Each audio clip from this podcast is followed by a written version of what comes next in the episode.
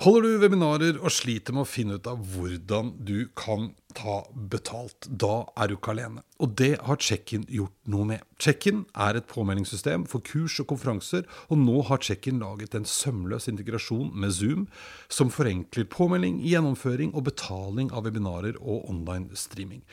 Sjekk ut checkin.no slash 30 minutter for å finne ut hvordan du kan tjene penger på dine webinarer med Check-in.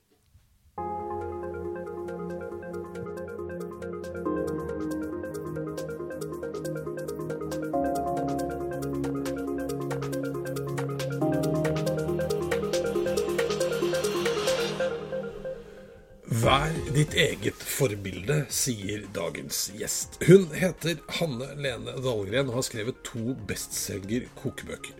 Hun hoppet av verdens beste jobb i verdens feteste selskap og startet opp for seg selv. Hun er veggis og matnerd og har endt opp med å starte eget forlag som går som en kule. Hanne Lene vil få til noe mer enn bare å tjene til livets opphold. Hun vil få oss andre til å bli sunnere og til å spise mindre kjøtt. Hun vil rett og slett forandre verden. Hva må man tenke på når man skal ta det skrittet han alene har tatt? Hvor går verden, og hvordan ser egentlig fremtiden ut? Dette det er 30 minutter inn i fremtiden, og jeg er Eirik Normann Hansen. Hei, Hanne Lene. Hallo, hallo. Så hyggelig. Ja.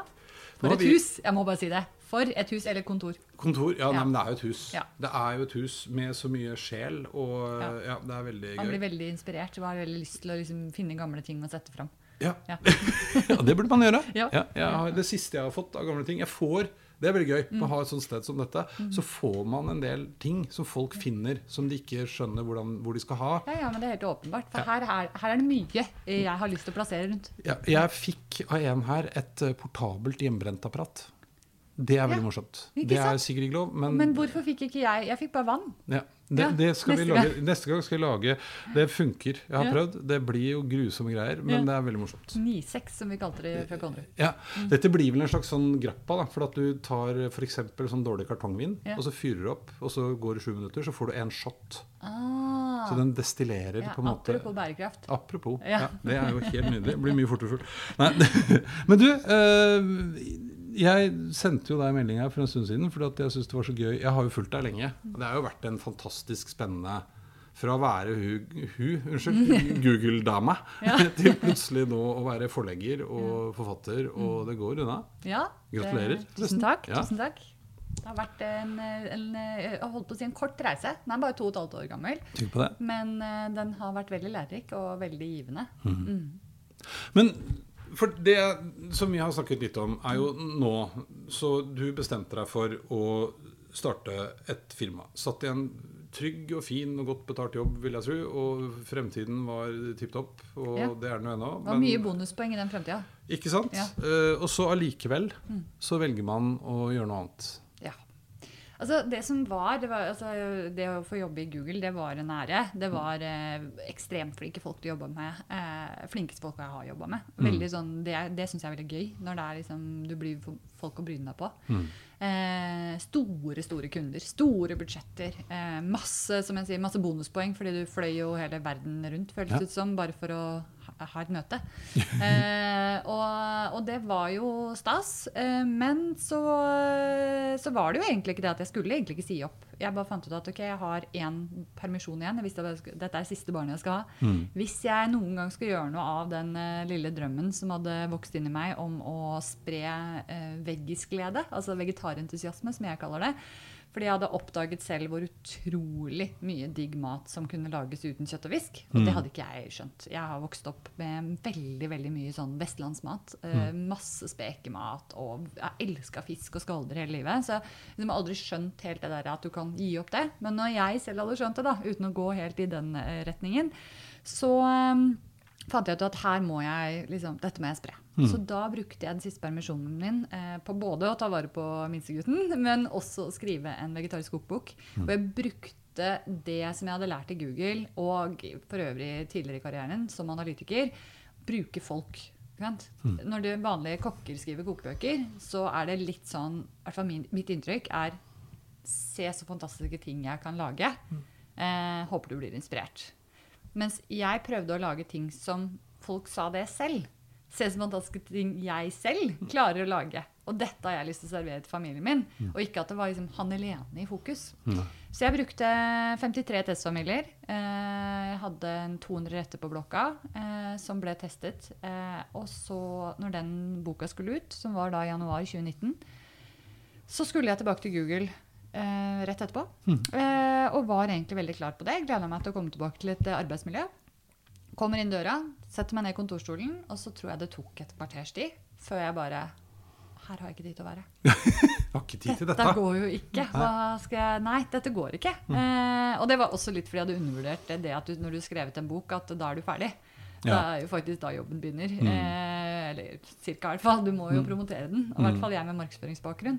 Jeg hadde liksom 400 følgere på Instagram, eh, og var jo ingen.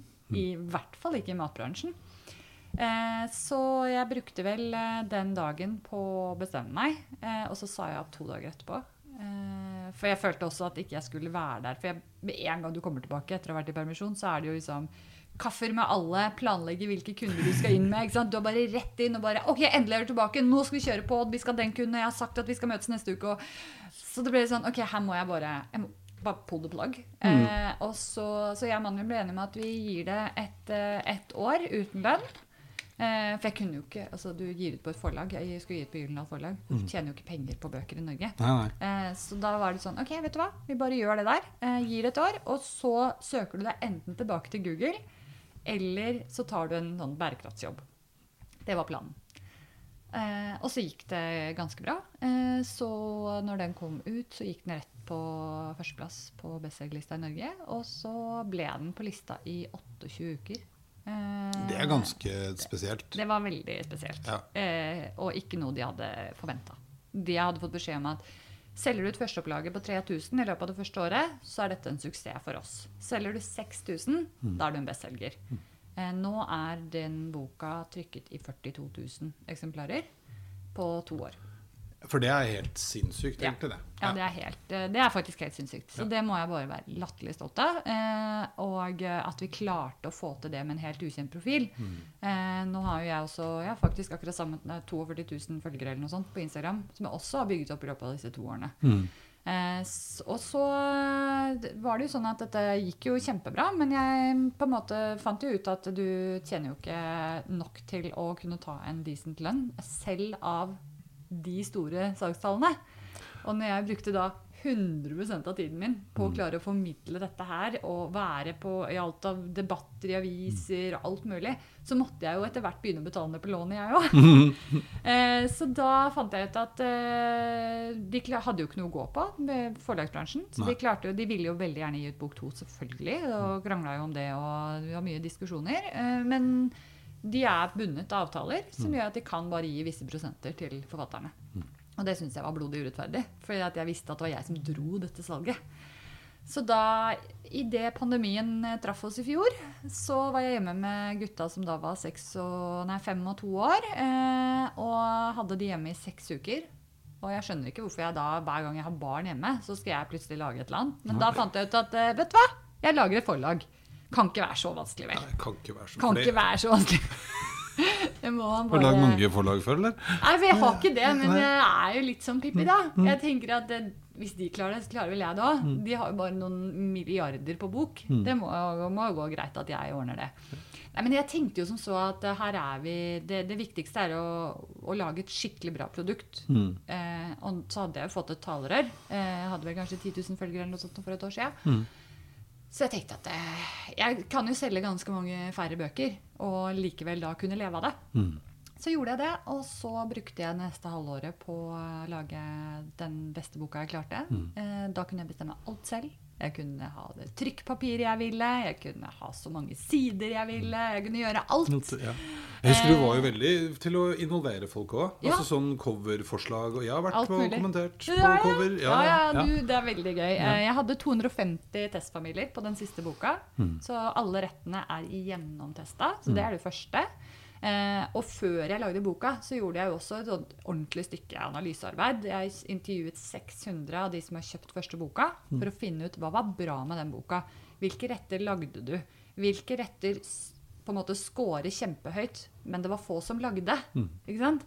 Fordi at det hjelper jo ikke å ha masse masse, masse digge bøker, eller masse digge oppskrifter som ingen lager. Og da måtte jeg finne ut ok, men hvorfor lager de ikke denne eh, aubergineretten, da? Hvorfor, mens den får terningkast seks, alle som har laget den? Hva er årsaken til det? Og sånn klarte jeg på en måte å finne ut av hva slags type retter er det jeg må ha med. Det er jo litt morsomt, da, for det, du hører jo at du er litt uh, sånn yrkesskada fra før. For det er ikke noe tilfeldigheter. Nei. Nei. Ja, for det tror jeg jo er Om det er en startup eller skrive bok eller, Jeg har også vært med å skrive bok, men jeg, det er jo ikke jeg som skrev. Jeg var bare med. Mm. Men jeg kjenner jo på en måte litt til prosessen. Mm. Men hvor fort gjort det er å liksom lene seg på en eller annen idé man har. Det kan godt hende den er god, og, men, men, det er ikke sikkert at den er like, resonnerer like godt i et eller annet marked. Da. Nei, Nei. altså magefølelsen har, Det er flere retter som ikke har kommet med i bøkene, som er noen av mine favorittretter. Mm. Men, men, det er jo også fordi altså, Det er en grunn til at uh, restauranter har flere ting på menyen. Mm. Det er ikke en universell ting som heter god smak. Nei. Eh, det er noen elementer som stort sett er med i en god rett. Mm. Men det jeg måtte finne ut, siden altså, For å spole litt tilbake, så når jeg sa opp, så fant jeg ut ok, jeg må ha et mål å jobbe etter. Mm. Ikke, altså, jeg må ha et eller annet tallbasert mål. Eh, og da gikk jeg i statistikken, og så så jeg da på kjøttforbruket, som var faktisk det jeg ville til, til livs, da, for å si det sånn. Eh, og da fant jeg ut at ok, hvis jeg gikk 30 år tilbake i tid, altså til 1989, og da var jeg nesten akkurat født, eh, født i 85 da hadde vi et kjøttforbruk som da var 30 lavere enn i dag. Eh, og da tenkte jeg ok, men vet du hva? Da må vi klare å komme oss tilbake dit i hvert fall. Det skal jeg hjelpe til å bidra med. Det er heldigvis flere som jobber for det. da. Og det skulle jeg klare innen 2025, sa jeg. Eh, så det er det jeg jobber for, og mm. det måler jeg på en måte alt opp mot. Og det var sånn jeg også da fant ut ok, hva slags type retter er det som får raskest ned kjøttforbruket. Jo, det er hvis jeg klarer å knekke den koden på deres spagetti bolognese på tirsdager, mm. som dere gjør på 20 minutter, basert på den ferdige kjøttdeigen, den pakka osv. Det er de jeg konkurrerer med. Mm. Det er mm. ikke gastronomiske store femretters som dere har én gang i året. Mm. Det er det jeg må klare å få til. Og da var det liksom det analysearbeidet som gikk inn i det. Da hadde jeg, som du sier, jeg spurte masse på Instagram. Er det dette coveret eller dette coveret? Mm. Er det denne eller denne retten? Bør denne hete det eller det? Har dere et forslag på hva denne retten kan hete for at du får lyst på den? Mm. Altså alle disse tingene. Fordi at jeg er så matgeek nå at du kan ikke spørre meg. Nei. For jeg blir jo sånn Å, er den miso-marinert? Mm. Og det har jeg dritlyst til. De aller fleste bare Hva er det? Ja. er det som miso-suppe? Ja. Er det det? Ja. Men nei, det er ikke nei, det. Det er, det er samme gate, men uh, forskjellige typer skalaer. Men, mm. men for, for det, det, er jo noe med at du åpenbart har en lidenskap og en overbevisning. Mm. For dette handler jo ikke bare om at du syns det er gøy med mat. Nei, det ligger jo en annen Jeg syns det er gøy å spise, ikke lage, egentlig.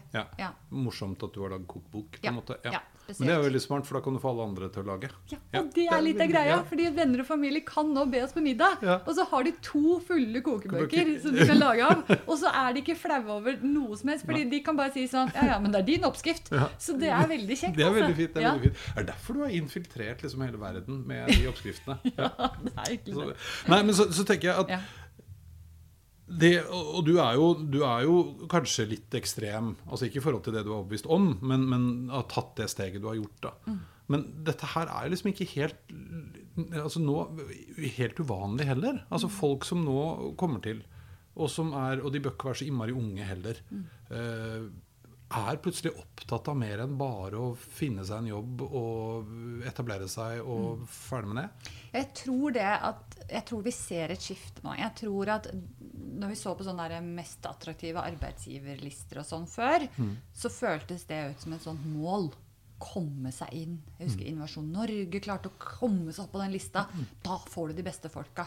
Eh, Google var jo der i alle år, og er sikkert der ennå også. Mm. Altså, jeg tror selvfølgelig det vil fremdeles være visse steder som er veldig veldig, veldig bra å jobbe, og som mange vil søke seg til. Men jeg tror at mange av de flinkeste folka de leter nå etter en litt annen type mening. Mm. Det er ikke bare lønn som teller lenger. Eh, det er liksom det å stå opp og gjøre noe som faktisk endrer verden til ja noe bedre. Og det trenger ikke å være det at du da jobber med liksom, uh, resirkulering av plastflasker ja. eller liksom så konkret. Men å jobbe for et selskap som tar et ansvar uh, i samfunnet, som gjør noe med at du kan på nærmeste middagsselskap liksom skryte litt av at ja, ja, fy fader, vi fikk ned utslippene fra det eller det. Eller i mm. arbeidstida på eh, annenhver dag så har vi faktisk en som kommer innom og, driver driver meditasjon for oss. Altså, Det at jobben blir en større del av det å ta vare på helsa vår, både mentalt og fysisk, fysisk, det tror jeg veldig på. Og der tror jeg også mat kommer til å spille en liksom stor rolle. Merker jo det også på mine henvendelser. Det er veldig mye bedrifter som vil at jeg skal prate til de ansatte for å inspirere de til å spise sunnere. Da får jeg litt lyst til å si men har ikke dere matservering? Dere kan bare bestemme der. Dere kan bestemme, som jeg har snakket litt med mannen min om, er det liksom, kan man subsidiere sunn mat på en bedrift, mens la de kjøpe liksom, godteriene sine og sukkerbrusen sin selv? Eh, hvordan kan man liksom hjelpe folk til å få det bedre fysisk også med det de putter inn i seg?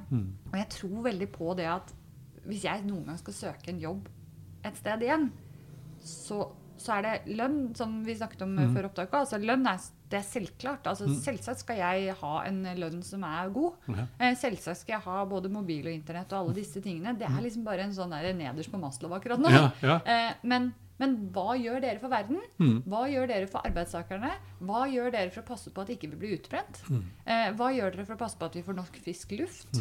Og det er jo forferdelig for en arbeidsgiver. da. Hun får jo et eh, stort ansvar. Eh, Ja, ja, m- Men det er den eneste muligheten for å tiltrekke seg de beste, tror jeg. Ja, ja men jeg, jeg tror du har helt rett. Og så har man vel også sett nå at sant, den perioden vi har vært igjennom, vi har lært utrolig mye om hva man kan gjøre. eh, Som man ikke fikk lov å teste ut og gjøre før fordi at en eller annen arbeidsgiver hadde bestemt seg for at nei, her skal du komme på jobb. Jeg leste nå da din tidligere arbeidsgiver, Google Norge, der var, var det for noe 40% av de ansatte nå, så tror jeg med å si opp jobben hvis ikke de fikk lov å fortsette å ha den fleksibiliteten de hadde nå.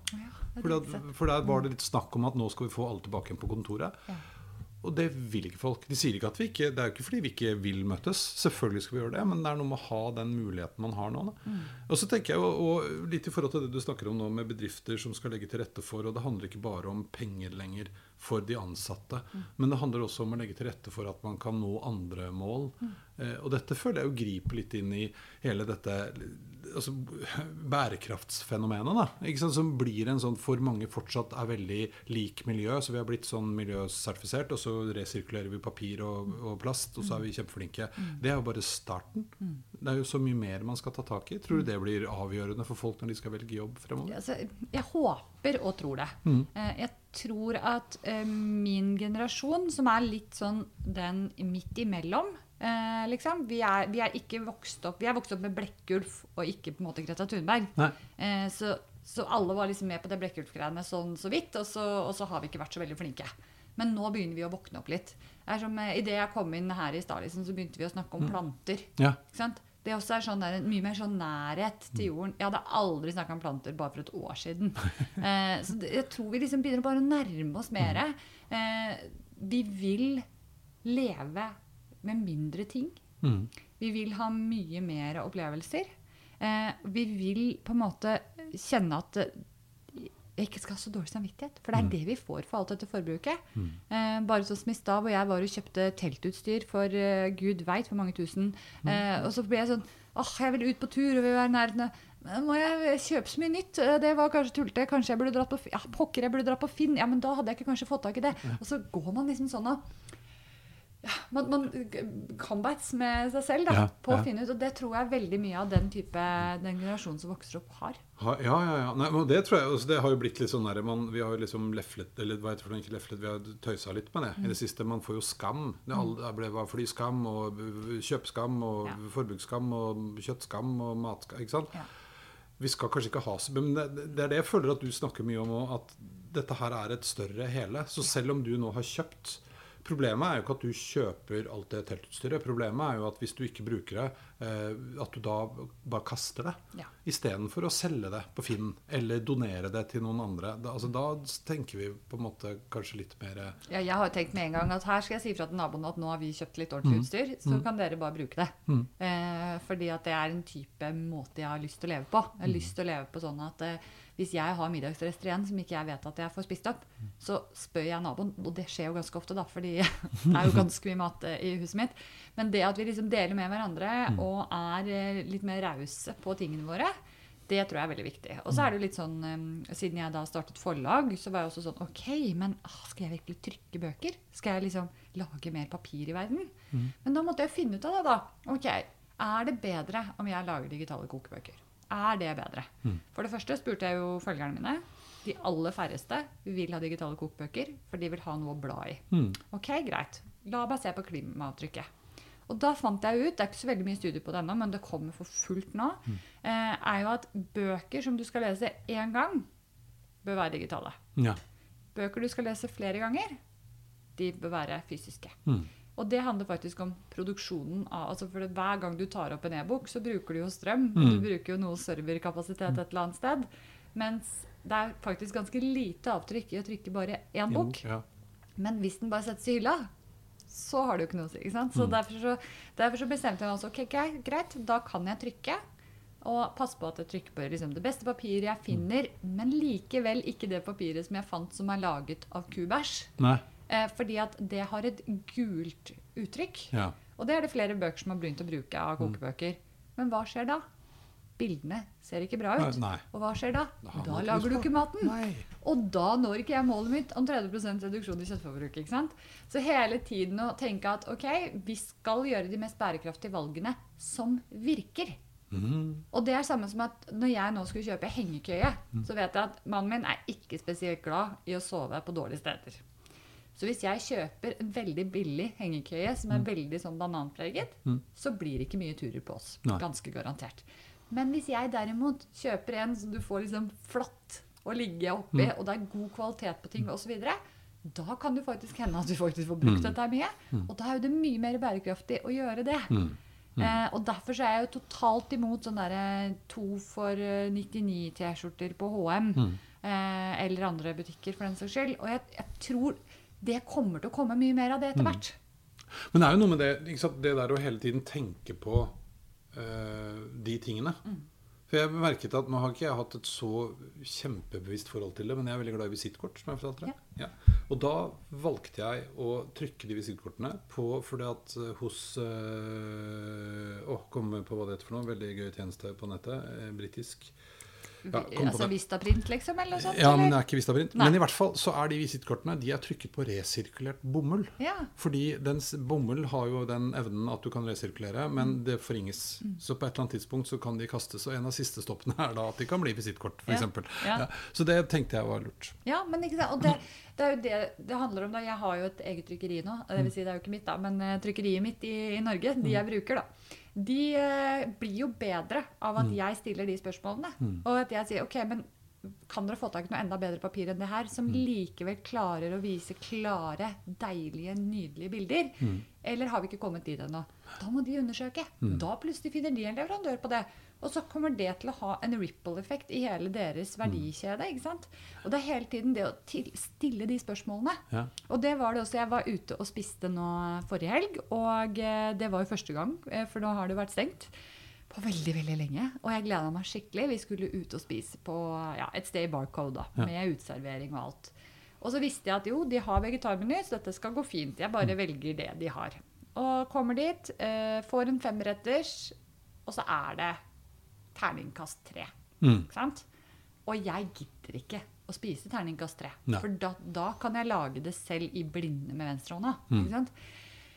Så da blir jeg litt irritert, og så kjenner jeg at liksom, vet du hva, dette er et av Norges, Norges liksom, hotteste restauranter. De driter i denne maten. Mm. De har ikke noe forhold til det, annet enn at vi vet vi må ha det på menyen. Mm.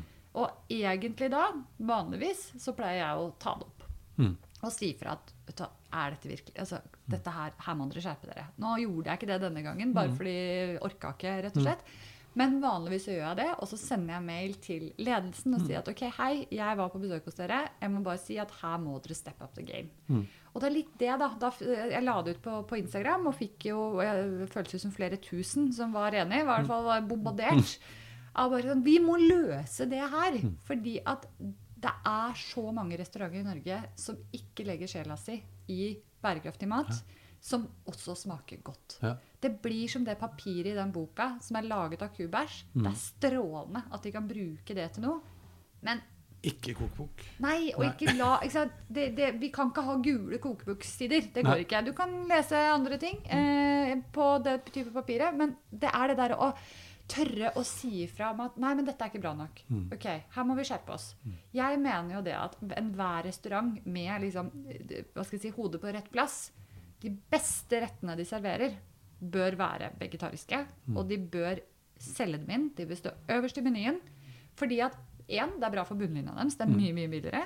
To, det er bra for klimaet. Tre, det er bra for helsa til de det er Stort sett, i hvert fall. Med mindre du har pommes frites og ketsjup. Det er tross alt helt vegansk. Sant? Eh, men det å bare tørre å ta det steget og ta det ansvaret, så sier ikke jeg, eller eh, mange andre heller, at man må slutte med alt som er dårlig. Som jeg sa til i stad, at jeg håper at bedrifter blir sjukt flinke til å ta vare på helsa til de ansatte. Men at de også har fredagspils. Ja. Ikke sant? Det er ikke sånn at vi skal bare... Ja, for det blir ofte litt sånn enten-eller. Ja, det gjør det. Og så leste jeg, jeg husker ikke om, Kanskje det var du som sa det? For det var noen som hadde, Nei, det var ikke du som sa det. Det var en annen som sa det. For at han hadde fundert sånn på hvorfor de veganrettene Mm. på restaurant De skal alltid hete sånn soyaburger. Mm. Eh, og så lagde de nye navn på de. Og da gikk det jo som en kule. ikke sant? Og det var masse folk som ikke nødvendigvis var så veldig opptatt av å være vegetarianere heller, Mm. men fordi det så digg ut.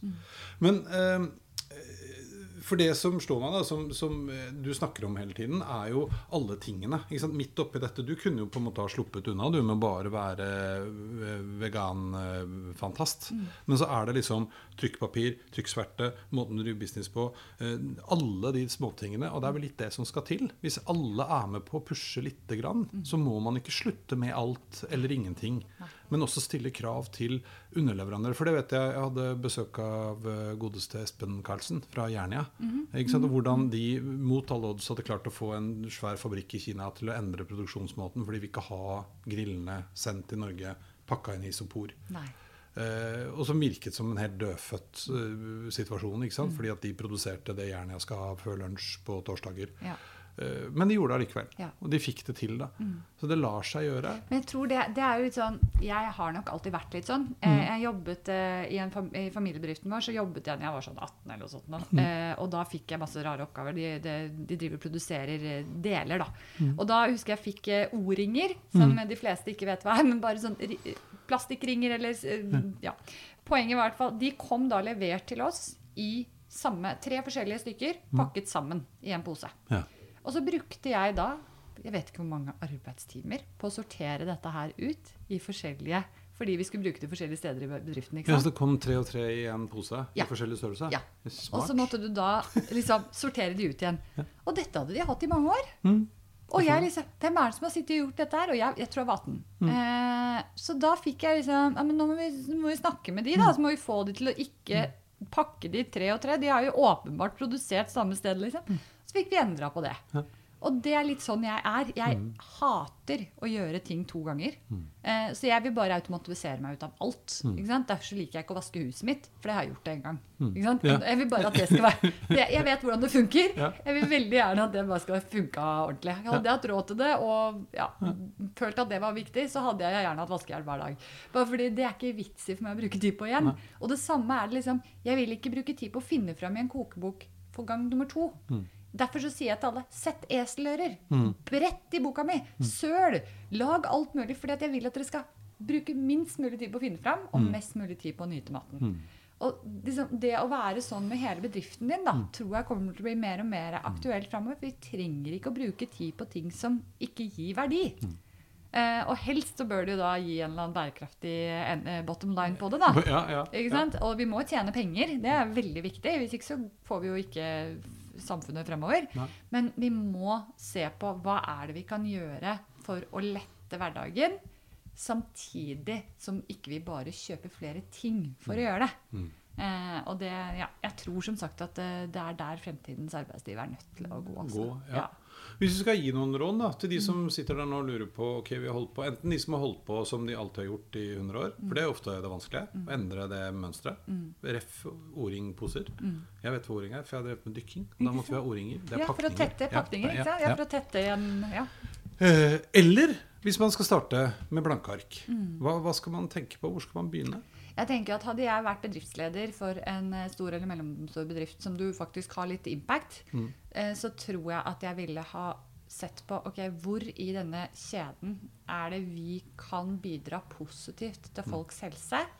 Gi de inspirasjon, gi de mulighetene til om det er mat. Altså, bestill smoothie til frokost til alle de ansatte to ganger i uka, da. Og si at vet du hva, her er det masse næring. Vi har lyst til å bare by på det. Vi har lyst til at dere skal fungere optimalt på jobb. Hvis det bare er det, liksom, gjør det. Eller bestill inn en som driver med yoga. Og si at vet du hva, dere får en halvtime fri to ganger i uka. Da er det utafor kontoret, så har vi yoga. Og vi, du får på en måte poeng for å være med. Ja. Ikke sant? At I stedet for at det er sånn, det er et tilbud, men du får levere for, for det. Men det at, vet du hva, eh, når vi har da medarbeidersamtale, så ser vi er du med på disse tingene. Det skal være liksom, Prøve å få folk til å faktisk skjønne at vi vil at du skal bli bedre. Bedre, ja. Og så tenker jeg, hvis du skal, være, hvis du skal starte for deg selv, eh, og du skal bruke det jeg pleier å kalle kreftene dine Det er litt sånn det kan jeg har litt mye sånn dinosaurprat hjemme, for jeg har en seksåring som er veldig opptatt av krefter. Men hvis jeg skal bruke kreftene mine, da, hodet mitt, energien min og kreativiteten min på noe, så pass på at du gjør det for noe som du faktisk ser eh, om fem år. Så ser du tilbake og tenker 'fy fader'. Jeg gjorde det som jeg trodde var bra. Og så har du ikke alle svarene. Men jeg jobber bare for ett motto, og det er være mitt eget forbilde. Og det handler om at jeg kan ikke bruke deg som forbilde. Fordi at med en gang du gjør noe som ikke helt passer inn i mitt liv, eller kanskje du går på trynet eller gjør et eller annet, da mister jeg hele liksom, forbildet mitt. Så jeg må være det sjøl. Og da er det ok, når jeg står ved et veiskille, da, så er det hvilke av disse veiene her ville forbildet mitt ha valgt? Og da blir stort sett den veien med penger, den blir stort sett alltid valgt vekk. Mm. Fordi at det handler ikke om at en eller annen stor bedrift kan betale meg 100 000 kroner for å komme og holde et eller annet innlegg som skal få de ansatte opp og stå. Liksom. Det handler om at hvis jeg legger den samme energien i å spre matglede til hele landet, Mm. så vil det faktisk ha en større effekt på det eh, målet jeg har. Og da er det bedre for mitt forbilde, altså meg, å gå den veien. Og det tenker jeg at det gjør livet jævlig mye lettere. ja. Og ikke minst, det er jo gøy å få til ting. Veldig gøy å få til ting. Det minner meg jo litt om en sånn metode jeg har lært av Josh. vet du sikkert hvem er? Josh Stinton. Han er altså sånn talefyr. Nei, men han eh, driver mye med det han kaller for backcasting. Okay. Og det er å se Altså, når jeg står der forecasting, backcasting. Du begynner med mm, resultatet når jeg har hatt suksess. Når du Ja. har gitt ut kokebok nummer tre, og Ja. du står der, og den ble bestselger, og du vant pris Ja. for den boka. Hva var det som tok deg dit? Mm. Ja. Og så jobber han på en måte bakover for å finne ut av hva du skal gjøre Ja, i dag for å komme dit. Men det er egentlig det er veldig sant, fordi jeg har det målet om 2025. Mm. Når vi når 30% reduksjon i kjøttforbruket Ja. i 2025, Ja. hva har skjedd i mellomtida da? Mm. Og da handler det om, om, om hva er ordet 'enable' på norsk, men eh, muliggjøre eller et Mm. Eller annet. Eh, få folk til å digge vegetarmat så mye at de ber folk på middag. Mm. Så derfor så sier jeg det annenhver dag på Instagram. Ja, ja. Be folk på middag. Når du finner en god vegetarrett Du trenger ikke å være vegetarianer. Men når du gjør det, så be folk på middag, for da lærer du andre folk at her blir det digg. Og aldri be inn folk på vegetar et eller annet. Nei. Du ber inn 'Vi skal ha lasagne, har du lyst til å komme? Ta med, vi har noe øl og vin.' Mm. Ja, ja, strålende. Du kommer og spiser lasagne. Jeg kan garantere deg Mm. at to av de lasagnene jeg har i bøkene mine, aner du ikke at det ikke er kjøtt i. Nei. Fordi det er så mye smaker Smaker. og deilig at det er en fullverdig lasagne. Og de fleste sier at den er bedre enn noe lasagne de hadde noen gang smakt. Bare for å sagt det. Da kan vi kjøpe den boka og teste det. Det Men du, hvordan tror du verden ser ut i 2030? Du, vi vet jo hvordan du tror og mener at den skal være i 2025. Da har vi redusert eh, Mm. Ja. kjøttforbruket. 2030, det er jo ikke mange år til. Det er ikke mange Nei. år til. Jeg håper jo at vi har eh, klart å forene oss rundt om det er Parisavtalen Mm. eller hva som helst, og faktisk satt litt kule på ting. Eh, hvis du skal si hva jeg tror, så tror jeg jo ikke vi har klart det. Jeg tror jo at vi styrer mot et togradersmål, Mm. som er katastrofe. Eh, men håper at vi klarer å snu i tide. Og da er det i forhold til arbeidsliv, så er det hjemmekontor eh, som er store deler av det. Jeg tror vi kommer til å ha mer sånn Mesh-aktige arbeidsplasser. Eh, hvor du har hotdesks, eller hva det heter for noe. Men folk kommer til å sette helt andre krav til at helse er en viktig del av hele livet. Og ikke bare liksom etter middag. Eh, fordi det er ingen som orker bare holde på med helse etter middag. Da er du sliten. Ja. Da skal du se på serie på TV. Så jeg, jeg tror at vi kommer til å komme dit. Men om det er i 2030 Jo, jo det er ni år. Jo da, det går bra. Vi klarer det. Vi klarer det. Da møtes vi i Vi 2030 gjør det. til uh, din lasagne. Mm. Og da har du blitt veldig god på det hjemmebrentapparatet. Ja, og det lover jeg. Det skal vi det prøve, da. Det, du, det er forresten en ting jeg tror vi kommer til å se mer av i fremtida. Hjemmebrent. Hjemmebrent. Det er veldig. Ja. Det er jo åpenbart. At vi kommer til å ha nærprodusert Ja, ja, ja. Nei, så drit i alt det kjøttgreiene. Det er hjemmebrent. Så du kommer til å Det er sprit og gitar. Ja. Ja, det blir godt. Ja.